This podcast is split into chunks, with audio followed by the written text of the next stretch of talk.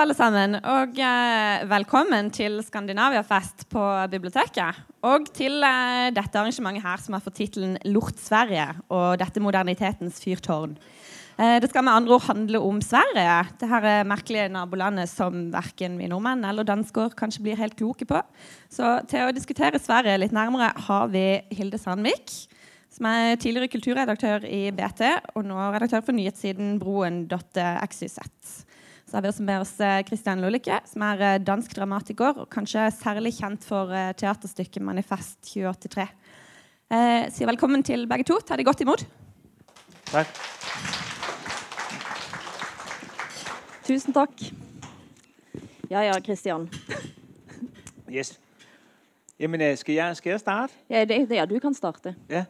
Nå, men, øh, vi har mødtes nogle gange, øh, som der også står i, i programmet, og talt om, øh, om Sverige. Og jeg synes, øh, Hilde, du, øh, har, du på en eller anden måde kan lidt en øh, terapeut for mig i forhold til at forstå, hvad det er, der foregår øh, i Sverige. Øh, i, går, I går var der en debat, øh, som, øh, som handlede om det samme, hvad det her svenske tilstande betyder. Øh, og der synes jeg, at debatten endte sådan i et eller andet sted, så, så blev det litt til, at, øh, at det var nogle, øh, nogle enkelte tilfælde, og det ikke, der ikke var tale om en tendens som sådan. Øhm, og det kunne jeg bare godt tænke mig at tage fat i, og jeg kunne bare godt tænke mig at starte med at øh, nævne nogle eksempler, øh, som jeg selv har været, øh, været utsatt for. Det, det skal samtidig sies at der er også en del av meg som, øh, som beundrer Sverige øh, og som synes, at Sverige har øh, øh, sådan... Jeg har altid beundret Sverige for dets, øh, dets øh, hvad skal vi sige, håndfaste lovgivningsmæssige måde at, øh, at, øh, hvad hedder det, at forholde sig til ligestilling på, for eksempel. Det er sådan noget, jeg har et had kærlighedsforhold til. Altså, fordi man nogle gange i Danmark, der kan man godt have sådan en, der hedder, der, der, er der, ligesom en, der er der en anden diskurs, der hedder, hvis der skal, hvis man siger, der er mange flere mænd, end kvinder i bestyrelser, så har man overtalt alle kvinder i Danmark til at sige, ja, men det skal bare være den bedste, øh, der mm. kommer frem, øh, og sådan er det. Øh, og på den måde sker der ikke rigtig nogen forskydning. Så der er der også en del af mig, bare for at sige, at jeg synes ikke, det er nødvendigvis skal handle om, at alt svensk er, er helt, de er helt skudt i hovedet alle sammen. Mm-hmm. Hvad hedder det? Altså, der er noget der, hvor jeg synes, at de har en ekstremt progressiv tilgang til tingene. Nå, men mm. jeg springer, jeg, jeg tager lige den her. Mm. Taler jeg forståeligt? Godt. Ja. jeg lavede en ja, teaterforestilling, der hedder, der hed, der hedder All My Dreams Come True. Hvor som der, også har vist her i Bergen, sant? Ja, som blev vist øh, festspillene for to eller tre år siden. Øh, og i slutscenen af den, der sker der det, der, det handler blandt andet om en depression og om en, øh, en mand, som øh, higer efter at føle en hel masse. Og så alt det er sådan set ikke så vigtigt. Det vigtige er til allersidst, så, øh, hvad hedder, jo, der medvirker så i forestillingen, der medvirker der to øh, kortvækster. Og hvad hedder det? En dværg, som det heter i Danmark. I ja. Danmark så siger man faktisk det. I Danmark siger man dværg, ja. Mm. Øh, og, så med, og så medvirker der en øh, meget, meget høj mand, og så en meget, meget tyk øh, kvinde, og, øh, og så en, øh, en i, i øh, kørestol. Og slutscenen, der ender det med, at ham, der sidder i kørestol, han får at vide, at han ikke er noget værd. Så bliver han skudt i hovedet af en af dværgene, eller en af kortvæksterne, og så er der en skuespiller, som øh, beslutter sig til, at, øh, at nu vil han bolle ham, øh, hvad hedder det, øh, der sidder i kørestol, i hovedet, og så tager han sine bukser af og begynder at, øh, at stikke sin pik ind i hovedet på ham der i kørestol. Og det er selvfølgelig på alle måder øh, voldsomt og alt muligt. Hvis man ser forestillingen, så, så, øh, så giver det mere mening, end, jeg, end, end, end jeg skal forklare det på den her måde. Det, jeg kan, jeg kan si Christian, det sier litt om, om kanskje Norge, da, at min 80 år gamle, snart 80 år eh, gamle lærer eh, fra Suldal fantastisk norsklærer, eh, var og så din forestilling. Og når hun så den sluttscenen, satt på første rad, så reiste hun seg opp og jubla og klappa. Og, det er svært å skulle forklare sånn men, men på en eller anden måde, så handler det jo i, i, i scenekunst, i denne her forestilling, handler det om at, øh, at øh, nå hen til et, øh, et sted, hvor, hvor al, alle irrationelle følelser er tillatt, og hvor, øh, hvor, øh, hvor galskaben får lov til at utspille seg uten alt det her. Man må ikke gjøre dit, og man må ikke gjøre dat. Den svenske teaterchef på det teater, hvor jeg lavede forestillingen, han sa til meg at denne her forestilling ville man aldri kunne lave i Sverige. Og det vidste jeg ikke, om var riktig eller ikke var riktig. Men senere viste vi forestillingen i København, og der var to øh, svenske studerende fra den øh, dramatiske høgskola i Sverige, som løb ned på scenen, da det her skete, og prøvede at stanse forestillingen. Øh, det, var, det var et eksempel. Hvad hedder det? Et andet, vi har lavet en, øh, en, sådan en installation her ude på gaden øh, i Bergen også, der hed, der hed Provokatør, hvor der står to og råber af folk og, øh, og øh, gør deres bedste for at øh, komme i diskussion med folk ude på gaden. Den, den, for, den samme lavede jeg i, øh, i Stockholm, men der kunne jeg ikke få de svenske skuespillere til at øh, for eksempel at øh, tage tørklæde på og øh, imitere øh, muslim for, øh, hvad hedder det, øh, for eksempel. Øh, der var så mange ting, som de ikke ville, øh, i forhold til, hvad jeg er vant til, når jeg laver forskninger i øh, Tyskland, Danmark, og også hvad, jeg, hvad jeg, min erfaring er med, med Norge. Øh, det tredje eksempel, og så tror jeg, mm. vi stanser, mm. øh, så kan vi komme tilbage til noget andet. Jeg har lige nu her lavet en forestilling, der handler om zombies og flygtninge. Øh, og undervejs, der, øh, der øh, sminker de her øh, skuespillere, de sminker sig sorte i ansigtet. Det hedder, det har sådan et øh, navn, der hedder blackfacing, som går tilbage til, øh, til nogle shows, man lavede i øh, 20'erne og senere igen i 50'erne, hvor man gjorde grin med, med slaverne. Mm. Blackfacing er noget, som man ikke må øh, er, ikke ved lov, men øh, kunstnerisk der er det blevet, der er det blevet forbudt at, at gøre i, øh, i Tyskland og også i Sverige. Øhm, og sådan kan, vi, sådan kan jeg fortsætte med alle mulige eksempler, og i virkeligheden, Hilde, vil jeg bare starte med at spørge, altså, hvad, hvad, hvordan, hvordan ser du øh, det, den her øh, svenske tilstande, eller det her med de her ting, man ikke må? Nei, jeg kan jo også starte med at For det første så er det jo noe helt absurd med å sitte i, en, eh, i Norge med en, dan en danske og en nordmann som liksom skal snakke om Sverige, eh, som vi tross alt bare har et perifert eh, kjennskap til. Eh, men for meg så var òg den fascinasjonen altså Sverige er, og det må vi jo bare innrømme også, Sverige er vår storebror. Sant? Og det er jo derfor altså, det er jo, Jeg har aldri noensinne hørt at de har debattmøter i Sverige der, der en svenske og danske snakker om nordmannen, f.eks. Det ville svenskene aldri ha brydd seg om. De ville aldri ha sunket ned på et sånt nivå. Så det sier kanskje litt om oss at vi er så fascinerte og opptatt av Sverige òg. Eh, men det er altså på mange måter det, altså, det som gjorde meg opptatt av Sverige, er at for det første har jeg fulgt eh, svensk eh, offentlighet og lest svenske medier og svenske magasiner og svensk litteratur lenge. Og så ble det altså kanskje var det Jeg klarer ikke å huske første gang, men altså, rundt karikaturstriden eh, som er det er kanskje ingen, ingenting som har prega meg så sterkt som meningsdanner så begynte en å se at det var ekstremt store forskjeller på hva som var go og hva som var no go i, i samtalen. Eh, og da begynte jeg å følge med. Eh, og, og de eksemplene du drar opp her men det var jo, det var jo, Dette er jo en sånn forlengelse av en diskusjon som vi var på her i går. Eh, der det også satt en svenske, en danske og en nordmann, da, men svensken fikk der være med. med at vi, vi har jo ikke med svenskene her engang. Men, men altså det, det som blir sagt og når du forteller om de to som hopper fram på scenen og vil prøve å stanse forestillingen, så er det kanskje noe av det som jeg vil kalle det for den svenskeste reaksjonen som en kan ha.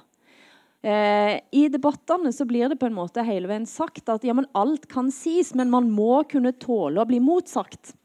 Og jeg vil tippe at i en sånn optikk så er det å hoppe fram på scenen og stanse en forestilling det er en måte å si mot på som har et mye mer av et aktivistisk utgangspunkt. Og hvorfor er det da sånn? Jeg har prøvd å tenke masse på dette og snakket med mange svensker. Jeg reiste rundt i Sverige i flere måneder og intervjua folk om de der grensene med hva som er mulig å si, og hva som en ikke skal si. Eh, og Sverige har altså etter krigen hatt et annet mandat enn det de andre nordiske land har. For det første var Sverige nøytralt under krigen. Eh, det som skjer etter krigen, er at en på mange måter definerer hele det svenske prosjektet om til å være verdens fyrtårn. Verdens moralske fyrtårn. En går ifra å ha en litt uavklart eh, situasjon under krigen, og der vet en jo at nazismen hadde jo på mange måter fritt leide langt inn i et establishment i Sverige. Og så vrir en om hele denne, altså hele denne folkehemstanken til å lage dette hjemmet.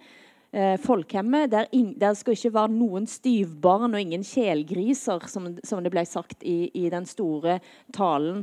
Eh, den aller første talen om, om hva folkehjemmet skal bli. Og Denne rollen som modernitetens fyrtårn har svenskene tatt ekstremt alvorlig. Eh, og der ligger det noe altså Jeg har diskutert bl.a. med hva er det som gjør at en tilsynelatende kan gå ekstremt langt for å drive gjennom politikk. Eh, Margot Wallstrøm sitter nå som representant inne i FN-systemet på vegne av oss alle. kan du si. Når hun skulle velges inn, eh, så gikk, inngikk bl.a. Sverige hestehandel med Saudi-Arabia Nei, med, ikke med Saudi, med Marokko. Eh, de sa at vi kan godta at Marokko okkuperer Vest-Sahara mot at vi får denne plassen i FNs sikkerhetsråd. Fordi, sier Margot Wallstrøm, vi vil uh, utbre den gode tanken om feminisme til hele verden. Og denne tanken om at altså, en, en, liksom, en, skal, en, har en stor visjon, en stor idé, og den kan vi gjennom staten bringe ut til alle folk. Eh, er av en langt mer konsekvent eh, eh, styr, altså har en langt mer konsekvent styring i seg enn det vi finner både i Danmark og Norge. Danmark som er ekstremt mye mer pragmatisk, og Norge som er litt sånn vimsete midt mellom. Men den ideologiske tanken om at en faktisk kan gå inn og styre et folk til å tenke rett, tenker jeg på som veldig svensk. Ja. Er du enig ja. i det? Jo, helt klart. Det er jeg enig i. Og så, og så hvis jeg må stille deg et andet spørsmål i, i, ud fra en simpel tese, så er det Jeg lavede også en, en balletforestilling, med, hvor der medvirkede flygtninge i den her øh, balletforestilling. Den, den, den så du. Der fik, mm. jeg jo, der fik jeg spørsmålet fra svenske journalister. Det får man aldrig fra danske journalister. Øh, men der fik jeg det her spørgsmål, der hed, øh, udnytter du ikke de her flygtninge i din, øh, i din øh, forestilling? Og i et kort sekund, så følte jeg mig jo faktisk øh, på en eller anden måde naiv, som om, at, at, øh, hvad hedder det, øh, at jeg ikke kan se, at der er et magtforhold, hvor de her flygtninge, de, øh, de har svært ved at sige nej, og så videre, og så videre. Men altså, det, det, det der er mit spørgsmål til dig, det er, hvor stammer den her idé om, at vi skal passe på de svage, som også lidt ligger i, når de går ind og stanser mm. en forestilling. Mm. Altså, altså det, at, at, at man ikke tror på, at man kan lave en aftale med mm. en, øh, en øh, spastisk mand i kørestol, om at det her, det gør vi som en del af en forestilling. Mm. Hvor, hvor, hva, hva, hva, har det, hva, er det for noe? Mm. Nei, og den, øh, den norske historikeren Francis Seierstedt, som har uh, skrevet og sagt mye om dette, han kaller det for uh, det paternalistiske paradoks. Eh, altså at en på en måte i den der folkehemstanken så, så, ligger det an til at staten kan gå inn i alle dine eh, for, formål i livet og styre nesten alt. Det kan en på den ene sida. På den andre sida er det en grunnleggende individualistisk holdning. At egentlig så er kanskje svenskene òg enda mer sånn altså, opptatt av individet, og derfor òg enda mer opptatt av identitetspolitikk, f.eks. Som da handler nettopp om det vi snakker om nå. Um, og det der paternalistiske paradokset Jeg var I sommer så var jeg da eh, eh, kalt inn eh, holdt Jeg på å si, jeg var invitert til å være med på en debatt i eh, Almedalen under Almedalsvekkene som er et storartet arrangement, eh, og som Arendalsuken her i Norge prøver å bli. Men altså det er langt eh, unna i kvalitet. Og svenskene er jo sinnssykt gode på organisering. det må jeg bare ha sagt. 4000 møter i løpet av noen dager. Og, og, mens folkemøtet på Bornholm var en sånn danseparty, og der du bare sjok sjokka rundt og, holdt på med et eller annet, så var de i Sverige så, er, så lager de møter som er politiske folkemøter som er ja, djupt imponerende. Men der var jeg da i en debatt om innvandring og mørklegging, som det heter. Altså den, og det var første gang at et svensk mediehus, det var Svenska Dagbladet, som inviterte altså til en åpen diskusjon om, eh, om dekningen av eh, migrasjons- og eh, altså innvandringen i, i, i, Sverige. Og der har det kommet da, altså flere år på rad undersøkelser som har vist at 70% av det svenske folk ikke tror på det som står i mediene eh, om konsekvenser av innvandring osv. Så, videre. så diskuterte vi det. og da eh, ute i den diskusjonen så så begynner plutselig uh, sjefredaktøren i Svenska Dagbladet å snakke om det han kaller for konsekvensnøytralitet. Og det er, aldri, det er, et ord jeg aldri har hørt brukt i Danmark, eller, eh, og iallfall ikke i Norge. Altså, Du skal være konsekvensnøytral. Og Det betyr at du skal da sørge for som publisist eller som redaktør at journalistikken din ikke har konsekvenser. Eh, for da, som, altså Hvis journalistikken din kan føre til at noen blir så sinte at de av den grunn går og setter fyr på et asylmottak, så skal du da vurdere det opp mot om det er nødvendig å skrive det du hadde tenkt å publisere. Og det er litt sånn jeg tenker på Når jeg har sett på dine eh, teaterstykker, så fins det jo ikke snakk om at du tenker over konsekvensene i det hele tatt. Og Vi diskuterte jo det i går. altså Lars Norén, som jo er svenske, da, men som, som heller ikke gjorde det. Men, men altså det å tenke seg at ditt oppdragende perspektiv skal være liksom, til, til, folk har gått ut av døra. Eh, eh, altså, jeg klarer ikke å se på det no som noe annet enn at det ligger en sånn grunnleggende liksom, tro på at folket kan styres. Og jeg diskuterte, Nå hopper jeg kanskje, men er, jeg, jeg syns det er ekstremt fascinerende. for jeg, eh, Det er en svensk forfatter som heter Ulrika Kjernborg som, eh, som, nettopp har kommet ut med en roman som har fått kjempegode kritikker om Oksenstjerna, altså tida, den store svenske storhetstida. Eh, og under de religionskrigene som var sant, eh, på 1700-tallet, og da på den tida da Sverige virkelig var stort, og hadde et sånn tanke om at de skulle ut i verden, så var det jo sånn at Danmark de reiste jo ikke ned og kriga. De gadd ikke. Eller de, de, de, holdt på en liten stund, men svenskene gjorde jo det. De mista jo altså Store deler av det svenske samfunnet, mannlige samfunnet eh, reiste ut i en krig som pågikk i Polen, og pågikk langt vekke. Eh, men de var villige likevel til å dø. Det var en felles oppfatning blant eh, embetsverket og blant eh, sånt, og, om at det skulle en bare gjøre. Og hun mener at det ligger noe litt sånn russisk i, i det der svenske den der tanken om at en er villig til å dø for en større sak. Og da er en òg villig til å, på en måte, å ta sånne store grep eh, og, og, styre. Eh, og det, er, det, klarer jeg ikke å kjenne igjen i, i norsk debatt på noen måte. Og det syns jeg jeg, hørte òg av Ali Esbati, eh, som er svensk venstrepolitiker, oppe i panelet i går. Litt den der tanken om at men det er jo greit at Jimmy Åkesson ikke får lov til å komme inn på Nobelmiddag. Man skal si ifra. Man skal stoppe. Sant? Man skal stoppe på døra. Og Så blir diskusjonene handle om det, men, men uh, ja. Må jeg spørre, hva heter det? Har det vært noen eller hvordan, hvordan ser du det der mørklægningsbilledet? Har du overblikk over det i forhold til Danmark, Sverige og Norge? Altså, ja, det er jo en helt annen Det er jo, det er jo tre ulike debattkulturer. Men det som, de som sier at en svensk offentlighet er liksom bare politisk korrekt og ikke snakker om ting, det tenker jeg at det stemmer ikke.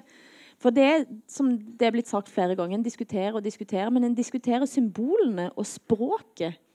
Et av de eksemplene jeg hadde lyst til å egentlig stille spørsmål ved oppe i debatten i går, da, var når eh, eh integreringsminister for Moderaterne, Tobias Billstrøm, for flere år siden sa at nå må vi diskutere volumene i innvandringsdebatten. Altså i innvandringen. Eh, vi må diskutere hvor mange, vi, altså hvor mange Sverige faktisk kan tåle å ta imot.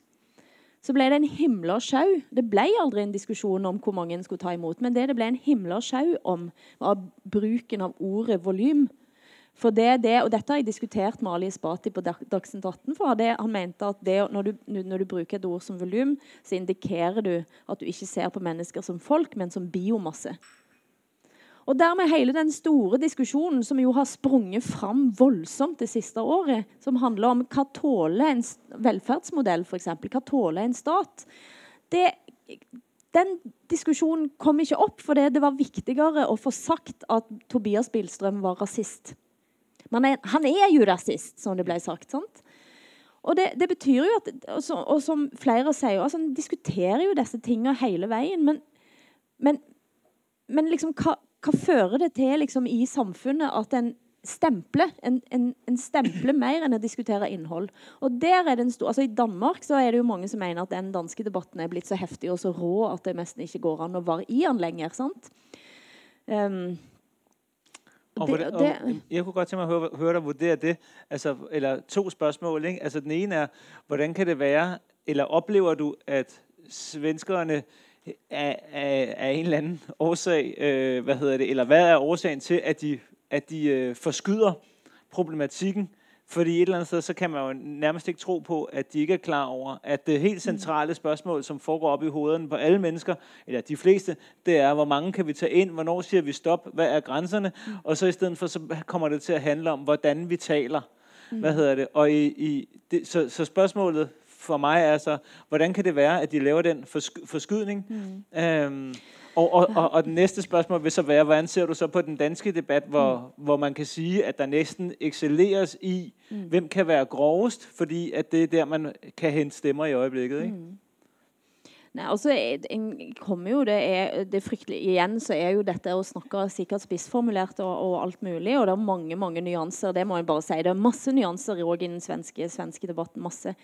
Eh, men, men, det er forskjell i dag. Nå så jeg på Twitter nå ei er journalist som jobber i Svenska Dagbladet med integreringsspørsmål, som jeg tror eh, må ha kommet til Sverige, eller iallfall foreldrene kom til Sverige under den forrige bølga etter Balkankrigen.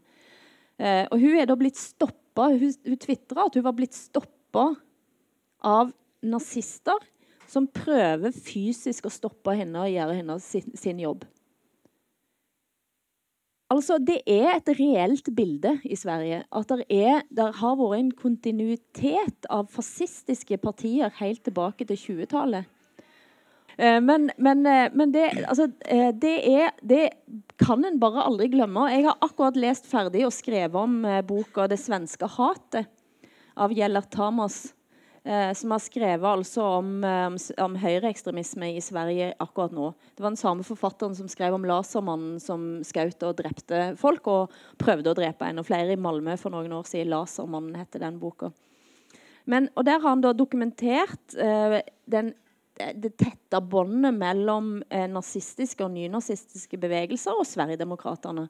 Og det kan en ikke stikke under en stol under stol, som det heter. Fordi, altså, Jimmy Åkesson, som er leder av, Sverigedemokraterne sin største mentor, hadde altså bokbål i sin egen hage for en del år siden. Eh, med, eh, med, to som gir Hitler-hilsen eh, og sier 'Sig Heil' over bokbål. Altså det er en av, altså en, Han som eide den hagen, er da mentoren til Jimmy Åkesson. Eh, og, og der, er, der, er, flere grupperinger. Motstandsrørslene, det er den liksom nordiske eh, fronten, som det heter. Altså, de prøver jo å ta hele det Norden-begrepet i tillegg. sant? Som er ganske stygt. Uh, og Kent Ekeroth, som er en av de mest sentrale i Sverigedemokraterna, uh, han virker totalt freda i det partiet. Og det er veldig mange som lurer på hvorfor er han freda. Han var for noen år siden, han filma sjøl at han eh, trua, eh, med, trua med et sånn jernrør på byen. Kalte en full mann for Babbe, altså som kom av Alibaba. Dytta ei kvinne inn i et gjerde og kalte henne hore. Eh, og, og, holdt på med dette jernrøret. En film som han dessverre klart, glemte å slette eh, fra PC-en når de drev og skulle prøve å lage en slags reklamevideo av forvrengt av den filmen. Den havner da hos Ekspressen. Eh, Kent Ekeroth er jo den mannen som har i skjul bygd opp avpikslet. Så vi ikke har lik altså har ingen, Det er ingen avpikslet i Danmark, tror jeg. Og i Norge, Avpikslott er den siten som, eh, som, har, eh, ja, som er veldig høyreorientert. Og masse anonym debatt hele veien, og masse drit. det, og det er sånn, De har bygd seg opp og blitt ganske store. Det viser seg at Kent Ekeråt har, for eksempel, han har brukt sånn niks eh, og drevet opp debatter på ganske heftig vis. Og de har linker til folk som skriver at Sverigedemokraterna står på den store scenen, sier de etter en svær nazidemonstrasjon i Trelleborg. Eh, de står på den store scenen mens vi skal plukke ut soperne i det stille. Altså Det er en retorikk å bli ganske mørkredd av. Eh, og hvordan møter en da den retorikken? Og hvordan møter en eh, den erfaringen med at det er, sånn, det er faktisk sterke elementer i Sverige som er fascistiske? Eh, og som har en langt tydeligere ankerfeste enn det du finner i Danmark og, og i Norge. Har, det vet vi jo. Vi har det jo òg i Norge, men i mye mindre grad. Så, men så er mitt spørsmål, da Når, når da Jimmy Åkesson som den eneste partilederen ikke blir invitert på Nobelmiddagen, så sier Ali Spati oppe her i går at jeg mener han er rett. En, en skal ikke invitere en sånn mann på Nobelmiddagen. Forrige fredag inviterte Sverigedemokraterna. Og med denne Kent Ekeroth i smoking.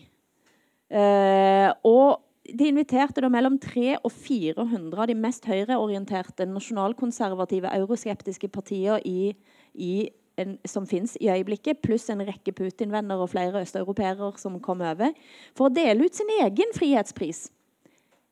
Spiser den samme middagen som Jimmy Åkesson det ikke får lov til å være med på. Eh, sitter under krystallhimlingen der og gir ut altså pris til Vaslav Klaus, tidligere tsjekkisk president, som er homofob og klimaskeptiker og eh, hater sykler. eh, og ikke minst eh, syriske flyktninger, som han kaller parasitter. Og da, og da, lurer jeg på ok, men da har du to veier å gå. Enten så kan du altså, jeg, I mitt, i mitt hode, men det er jo fordi at jeg tror jo på samtalen så tenker jeg at Ville det ikke vært bedre at Jimmy Åkesson hadde fått lov til å være med på denne middagen? og til og med hørt hva som ble sagt på en Nobel, Nobelmiddag, i stedet for å måtte lage sin egen og få den historien ut.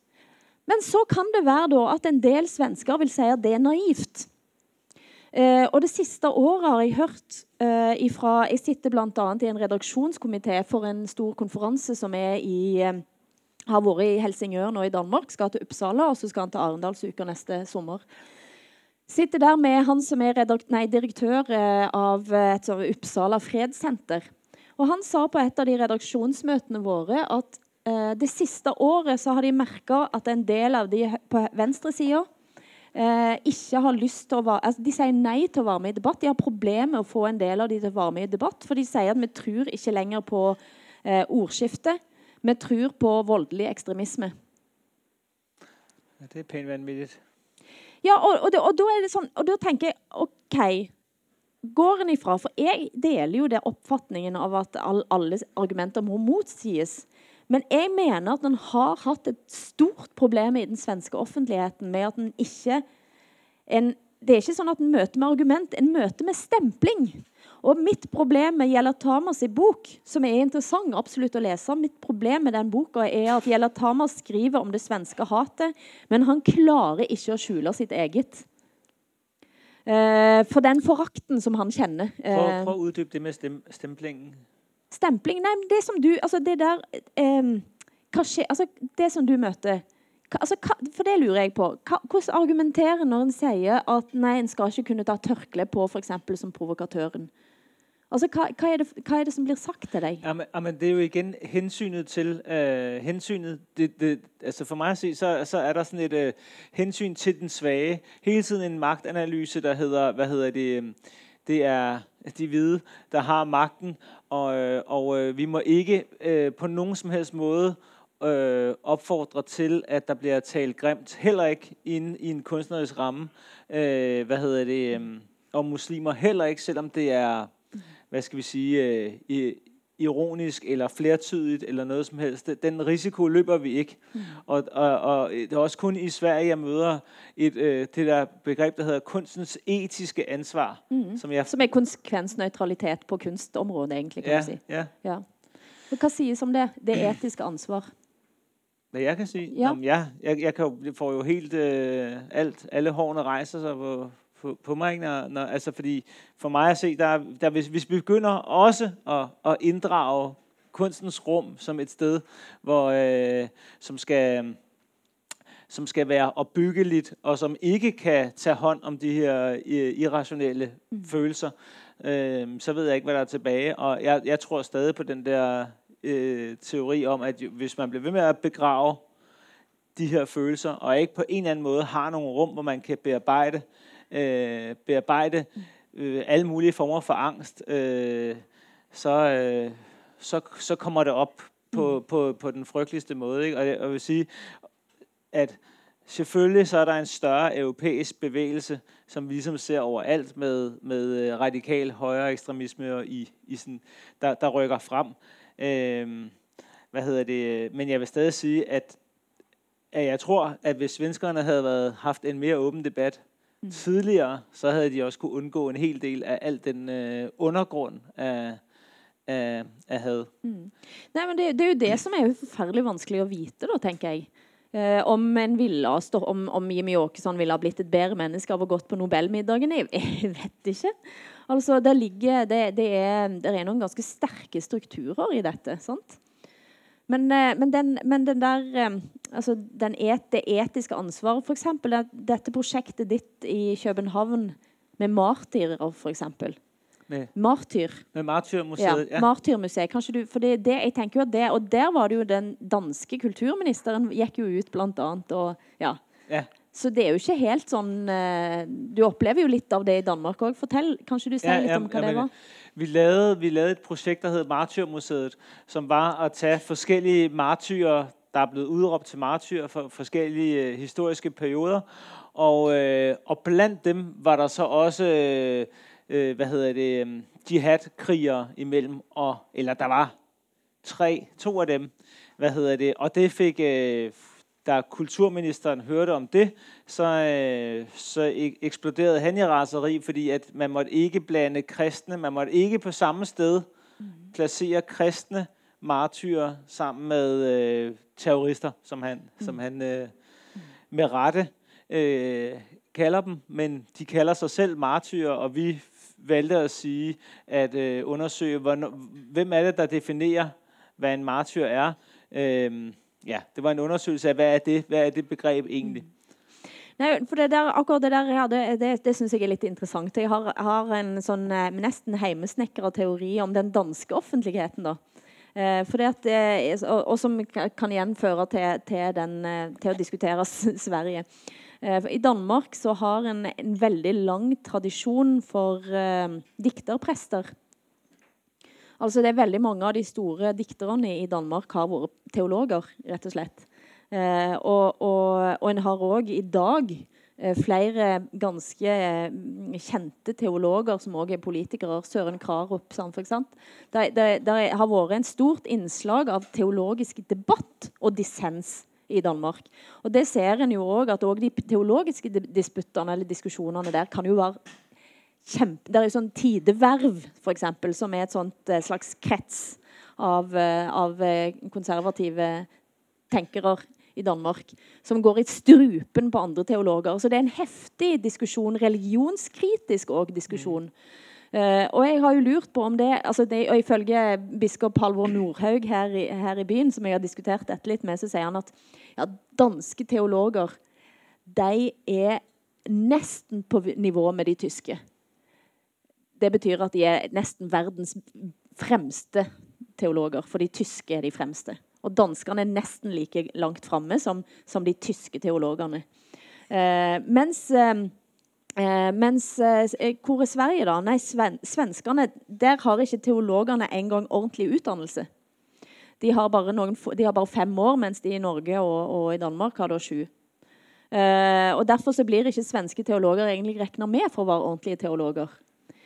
Og det gjør, og det, Hvis du går inn og ser på hva, hva har det å si, da? Sverige er kanskje det mest sekulære samfunnet på mange måter.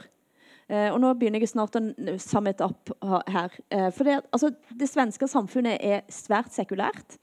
Biskopene, Ifølge Halvor Nordhaug så er det sånn at forrige utnevnelse av biskoper i, i eh, Sverige uh, Så uh, så, liksom opp, altså, så var oppdrag å snakke om hva som er altså, eh, altså det, er, ikke noen forskjell på Mohammed og Jesus, noe som biskopen her syns er helt absurd å, å, på en måte snakke om. Men hvis du ser på de teologiske, altså hvis du ser på hvor teologien har beveget seg i Sverige, så er det mer og mer ut fra en sånn type religionsdiskusjon og mer og mer over på menneskerettigheter. Sant? Og Det betyr at biskopene står på talerstolen, så snakker de MR. De snakker menneskerettigheter mer enn de diskuterer teologi. Og da lurer jeg på om det er òg en av grunnene til at i Danmark og i Norge så har du en langt større tradisjon, eller langt mer eh, religionskritikk, islamkritikk f.eks., enn det du ser i Sverige. Og jeg har jo av og til tenkt at jeg tror ikke det er tilfeldig at mange av de mest religions... Altså, mange av de mest islamkritiske i offentligheten Nå snakker ikke jeg om islamofobi som ligger i grums og i, i kommentarfelt, men mest, mange av de mest eh, toneangivende islamkritikerne i debatten har Enten så har de en, for, altså en bakgrunn i eh, religiøs altså, oppvekst, eh, eller de har eh, bakgrunn i totalitære samfunn, som f.eks. Flemming Rose, som har vært masse i, eh, i Russland. Eh, mens hvis du, mist, altså der, hvis du mister liksom tanken om at det fins altså At religionskritikk er vesentlig for en samfunnsbygging, som jeg mener ligger mye mer tungt i den svenske og danske kulturen, nei, norske og danske kulturen, så mister en kanskje òg muligheten til å se hva er, det, hva er dette for noen ting, da. Uh, og, og, med, og med, hvis en ser, tar et sånn MR-blikk på, på, det meste, så er det jo klart at da er det vanskelig å diskutere uh, den type problemstillinger. Nå har Altså, det er en veldig interessant forfatter i Sverige som heter Lars Brinkemo. Uh, som har gitt ut ei bok som heter 'Mellom klan og stat'. Han eh, reiste først rundt i, i Somalia. Eh, eh, møtte en gutt som er, var sendt på sånn oppdragelsestur til Somalia eh, for å bli ordentlig eh, menneske, holdt jeg på å si. Og han, ble, han tok han med seg tilbake til Sverige og ble som en slags fosterfar for han. Og så begynte han å jobbe i Rosengården med Somalia-landforeningen i Rosenborg. Altså Rosengården, mener jeg, i Malmö. Um, han skrev da ei bok der han sa at vi kan ikke late som at alle som kommer til Sverige, eh, trenger det samme. Skal behandles på samme måten. Vi må se at folk som kommer fra klansamfunn, har noen helt andre måter å henvende seg til samfunnet rundt enn det folk som kommer altså Hvis folk kommer fra Polen, så er, så er det noe annet. Sant? Den dagen den boka, og den er kjempeinteressant, den dagen den boka kom ut, før noen hadde lest den, så var det på trykk et debattinnlegg i Aftonbladet. Eh, signert tolv eh, somaliske representanter som kalte Per Brinkemo rasist. Fordi han pekte på at en er nødt til å Altså, en kan ikke, en kan ikke behandle alle likt. Og det der at du kan ikke behandle, behandle alle likt, det rokker jo ved det der fundamentet av at vi skal, være, vi skal være fyrtårn i verden som holder opp at menneskeheten er helt lik, og alle er helt den samme. Det rokker fullstendig med det. Og Den svenske grunnloven har helt siden 1975 siden 1975 så ble det skrevet inn i den svenske grunnloven at Sverige skal være et multikulturelt samfunn. Men det, før, det, det fulgte ikke med en diskusjon om hva betyr det i praksis. En slår det fast. Vi skal være et multikulturelt samfunn der alle blir behandla likt. Og når noen kommer da og trykker litt i det, så heter det men vi kan ikke det. Vi kan ikke behandle alle likt. Da går det galt. Så rokker det liksom med hele fundamentet av det som, som er liksom samfunnsprosjektet. da. Som er et religiøst prosjekt på et sånt statsnivå.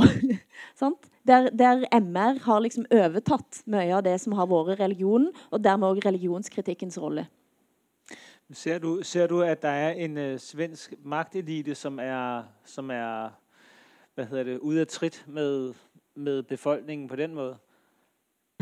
Altså, det er jo det, det som er, det som er altså, Eliten i Sverige har jo tradisjonelt òg hatt mye større makt enn det de har hatt i Danmark og Norge. Jeg husker det var um, jeg snakket en gang med en tidligere kollega som, jobbet, som var redaktør i en svensk avis.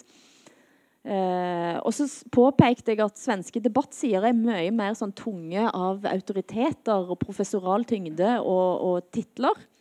Eh, og så sa jeg at for i Norge så er det jo det er jo ikke sånn. Altså det er, eh, vi redigerer ikke liksom etter hva folk eh, har som titler. Eh, og, det, og, det, skaper òg en, en, litt sånn vanskelig debatt. Og så sier han liksom ja men, ja, men det har jo alltid fungert så. Og på sett og vis kan du si at ja, det har alltid fungert så. For det er enormt mange ting i Sverige som er bra. Som du f.eks. påpeker. Eh, altså med kvinneandel og den slags. Jeg må jo innrømme det at når jeg var i Almedalen eh, i sommer eh, De damene jeg traff der, altså var Altså Det er en sånn sjølbevissthet rundt at du er Eh, du, du er, kan være hvem som helst, og som kvinner så kan du bare få til hva som helst. Det ligger i det svenske på en helt annen måte, og iallfall enn jeg finner i Danmark. Den er full av sjåvinister. Ja, det, det, eller man kan, man kan, også si at der er altså hvis man skal, hvis man skal give svenskerne meget, så, så vil jeg si at de har jo en, et, øh, en eller annen form for innbygget uh, metablikk og en idé om at biologi og mennesker og menneskers følelser er, er konstruksjoner ja. og er fortellinger, hvor vi i langt høyere grad i Danmark stadigvæk hænger fast i en forestilling om, at uh, det hele er naturligt. Uh, og at øh, det, det vil jeg stadigvæk mm. sige. Og, og derfor, og det vil jeg, tror jeg selv vil sige, er en af forklaringerne til, at, at svenskerne altid vil... Jeg mener stadig, at der er et element af fortrængning, når de, øh, når de vil passe på øh, hvad hedder det, de, de svage hele tiden, eller ikke tale om, du ved, skal vi stoppe, er der for mange indvandrere, eller er der ikke for mange? Når de, og så i stedet for vil diskutere, hvad for nogle ord man bruger. Mm. Men jeg mener også, de har en, øh, jeg mener også, de har en pointe med det. Altså jeg mener ja. også, det er rigtigt nok, at øh, hele tiden være, øh, være, altså vide, at sprog skaber virkelighed. Øh, og så videre. Mm. Altså, så, så, så, så jeg synes, den har to mm. poler. Jeg ved ikke helt, hvor meget tid vi har, men der, jeg har en sidste ane anekdote. Ja. Øh, som ligger lidt i forlængelse, men alligevel ikke helt har med det at gøre. Men nu, øh, det, der er en, øh, en øh, meget aggressiv, øh, øh, hvad hedder det, kunstner, feminist, øh, Valerie Solana, mm. øh, som skrev øh, Skum-manifestet. Det var hende, der skød øh, på Andy Warhol også. Mm og som jeg tror, hun var også blevet erklæret psykisk syg osv. Men hun har skrevet meget, meget vild og flot øh, og aggressiv, øh, kraftfuld øh, tekst, øh, som blev opført i Sverige øh, på et teater i Stockholm. Og jeg var, jeg var oppe og se forestillingen, og de spillede den sådan så, at kvinder de sad på den ene side af, i salen, der sad der, øh, der, sad der kvinder. Øh, der måtte kvinderne kun sidde, og, øh, og, hvad hedder det, og de havde puder, og de fik øh, slik og så videre. Og så var der to rækker til mænd uden ryglæn og uden puder. Og, og øh, de så kun røven af skuespilleren, fordi at, øh, at de sad med ryggen til hele tiden. Øh, hvad hedder det? Hvis den forestilling var blevet lavet i Danmark, så havde en hel masse synes, at det var sjovt og morsomt, og mm. en masse mænd havde grinet af det. Ja. I Sverige, der var der protester, og der var, de fik uh, trusler, mm. mortrusler. Uh, ja. Hvad hedder det? Um, altså, det er en af de største sådan, skandaler, der har været. Og den vil jeg bare sige, den skandal vil aldrig kunne finde sted i Danmark. Og der, så mit spørgsmål er bare, er der sådan en, øh, er der sådan en, en undertrykt mand, mm. som er meget vred i Sverige, eller hvordan, hvad, hvad tror du det er? Nej, altså det, men det er det jo åpenbart. Altså, det er mange sinte mænd. Eh, og det er jo bare nok å se på avpikslete og, og, og følge, følge, med på den diskusjonen der. Så er, så er jo det, det er jo den, den der total, altså Der er jo mye tydeligere polarisert, og så er det et større land. Eh, men, men altså, det er jo mange som skriver om dette. altså Svensk, Svenska Dagbladets Ivar Arpi, f.eks., som nå jobber med, med rasismebegrepet, har skrevet masse, masse om dette og lurer på liksom lurer på på når en da begynner å snakke om den hvite mannen. Altså, hva betyr den hvite? Altså, det at hvite rasen skal altså, hva, hva, er det vi begynner å snakke om nå, egentlig? Så det er, altså, det er jo mange diskusjoner som pågår hele veien i, i Sverige og, om, om, disse tingene her. Eh, men så ligger det òg noe som er mørkere, og som er svartere, og som er vanskelig å, å, å takle ut i en større offentlighet. Men samtidig så har du da skribenter som Åsa Linderborg eh, eksempel, som har gått en lang sving. Så det skjer jo masse. Altså, hun sier jo sjøl nå at hun eh, hun mener at den, det som hun kaller for ignorans og tystnad, eh, som var en strategi som hun har holdt høyt. Og jeg har vært i diskusjoner med henne der hun har snakket om det. Og nå sier hun at nå, med fasiten i hånd så kan jeg si at det fungerte ikke. Eh, og når hun sier det, så er det ganske? Nei, fordi, fordi at det har, det har jo ikke ført til at Sverigedemokraterna har fått mindre å si. Tvert imot. Eh, så begynner de å få et omland. Og jeg tenker at når de, Med den type allianse som f.eks. Kent e- Ekeroth har drevet og jobba med Han har reist på kryss og tvers av hele Europa for å samle allierte da, i kontra-jihad-miljø og, og, blant høyreekstreme. og eh, østeuropeere som, som, gjør nazihilsener. Altså, alt mulig er liksom inne i nå denne gruppa som satt i Grand Hotell og feira seg sjøl forrige fredag. Så er det jo noe som ikke har fungert. Eh, og, og, jeg har prøvd å tenke på hvordan ville det liksom hatt, altså, hvordan ville det Hva type diskusjon ville vi hatt i Norge eh, hvis den type eventer hadde skjedd eh, Eller i København, for den del. Altså hvis det var der. Hva diskusjoner ville en ha ført etterpå? Uh, jeg, vet, jeg, vet, ikke. Så det ligger, ligger, jo noe svart der som, som, en på mange måter må håndtere. Men det er jo derfor det blir interessant å følge med på hva som skjer i Sverige. Og en må i alle fall ikke tro at det, det som blir kalt for å være det svenske hatet, er noe særskilt svensk. Uh, det er ganske globalt, rett og slett. Mm.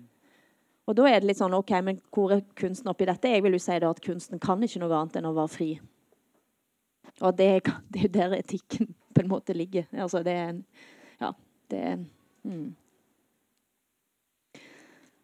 Men altså det, jeg tenker jo at det er, altså det, er, det er, enormt mange ting som jeg syns er ekstremt imponerende med, med Sverige.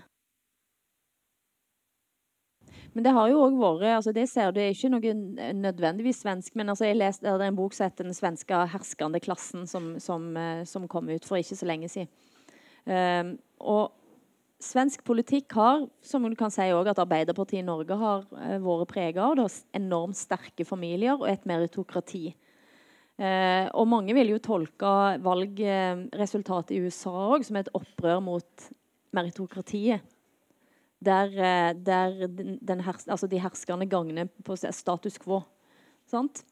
Eh, og det opprøret mot liksom, herskende klasse, eh, det er, er, noe altså, jeg, tror vi, jeg tror ikke vi sitter, Når vi sitter liksom, i en klassisk eh, middelklasse borgerlighet og i sentrum og i byer Jeg tror ikke vi forstår eh, den avsmaken som veldig mange kjenner mot, eh, mot makten. Eh, et, altså det, det, var 60 millioner som stemte på, på Donald Trump.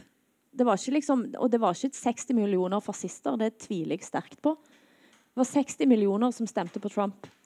Uh, og, og, i det så ligger det et, et, veldig sterkt signal om at mange av de institusjonene som har bygd opp etter andre verdenskrig, ikke lenger har tillit.